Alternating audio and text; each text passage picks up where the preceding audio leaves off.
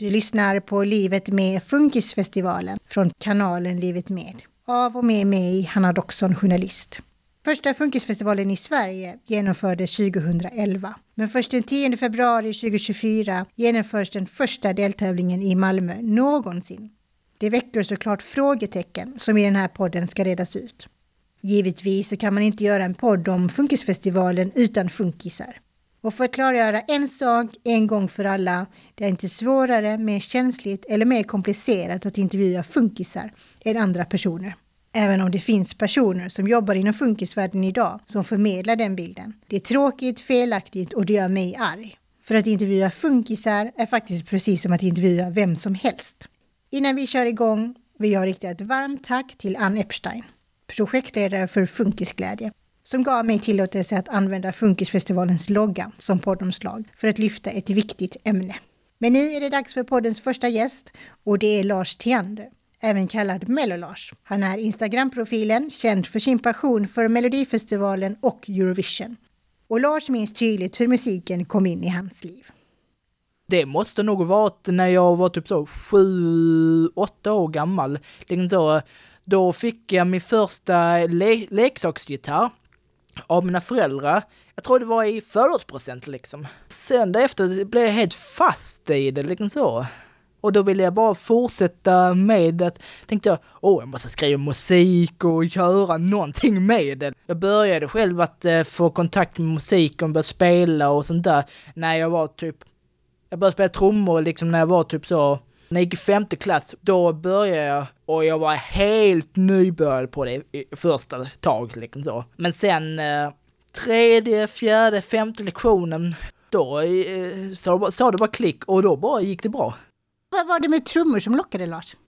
Min pappa var trummis eh, innan liksom, när han var yngre. Och eh, när jag fick höra min pappa eh, var intresserad av trummor och då måste jag också liksom så hitta ett sätt att få in i det liksom. För det är det enda han, han kan liksom så. Sen när det kom till eh, att sjunga, det är med min mamma som kan det liksom. Så, så vi är en väldigt musikalisk familj kan man säga liksom. Mello då, vad hände där liksom? Vad var det som fångade dig?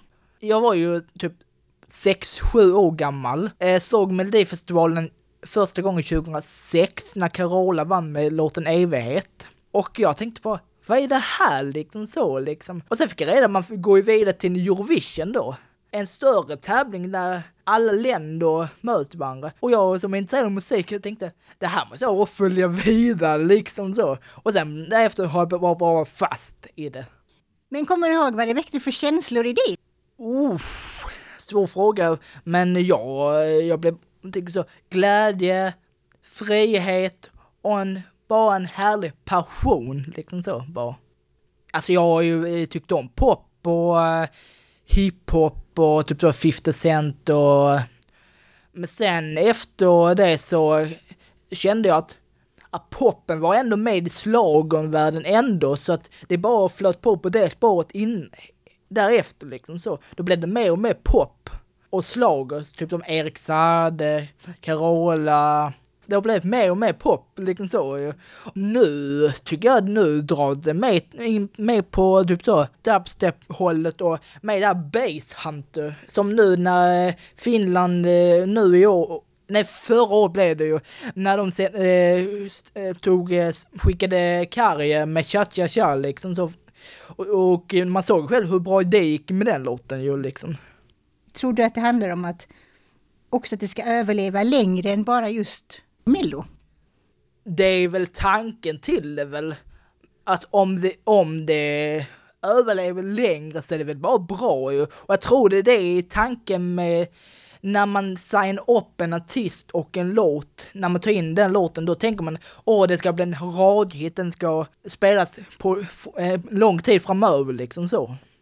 Det är uppenbart att du tycker om musik, det är ja. tydligt. Du kallas ju också Mellolars här i Malmö ja. och på ditt Instagramkonto ja, ska vi säga. Men jag tänker det Lars, när började du själv sjunga då så att säga? Ohoho. Nej men jag började sjunga när jag var typ, hur gammal var jag ens? Jag tror jag var sex, sju, åtta liksom så liksom. Att jag stod framför spegeln och alltid tyckte om sjunga liksom så. Du kan, det kan du fråga typ alla mina föräldrar, alla mina vänner liksom så. Alltså jag typ sjunger till och med på jobbet kan man säga. Att eh, när jag har typ tråkigt eller jag bara så, eller har en låt huvudet, då börjar jag nynna på den låten liksom så. Men har du gått och lärt dig sjunga någonstans, utan det, eller kommer det bara från hjärtat? Alltså jag, jag har väl aldrig varit den som tyckte om att, att, att lära mig sjunga så från eh, sångskolan sånt. Så det har kommit bara så överlag. Liksom så, bara, det har bara kommit och så har varit där liksom så. Och sen, och sen har jag lärt mig också såklart eh, när jag gått i gymnasiet, lärde mig mer och mer och mer. Liksom. För jag lärde mig, jag försökte hitta mer tonen när, när jag gick gym, gymnasiet liksom. För då gick vi mycket så inriktning musik, dans, teater liksom. Var gick du då någonstans? Latinskolan. Men jag gick estetisk eh, kommunikation på SD, alltså särskola liksom. Men vad roligt, då fick du musiken på allvar där, för latin är ju väldigt duktiga. Och det kände jag också verkligen då att eh, när vi, när vi hade teaterföreställningar och sånt, då satt jag, då, då eh, så, och när vi hade musiklektioner, då satte jag mig fram på trummorna liksom. Och min musiklärare som vi hade liksom så, bägge klasserna, de sa till eh, de andra i klassen, rör inte trummorna för de tillhör Lars, nu, nu, vi har vår klassens trummis här liksom. Sjunger du och spelar trummor samtidigt då? Det är två olika saker liksom. För att eh, jag kan inte klara två olika saker liksom. Så, för då blir det för rörigt i mitt huvud. Men jag vill gärna lära mig det, kan man lugnt säga. Du har lyssnat på Livet med Funkisfestivalen. I nästa avsnitt berättar Lars Theander om vad festivalen betyder för honom. Följ gärna kanalen på Ett livet med poddserien på Instagram för att inte missa videoklipp och bilder på deltagarna i podden och från Funkisfestivalen i Malmö den 10 februari.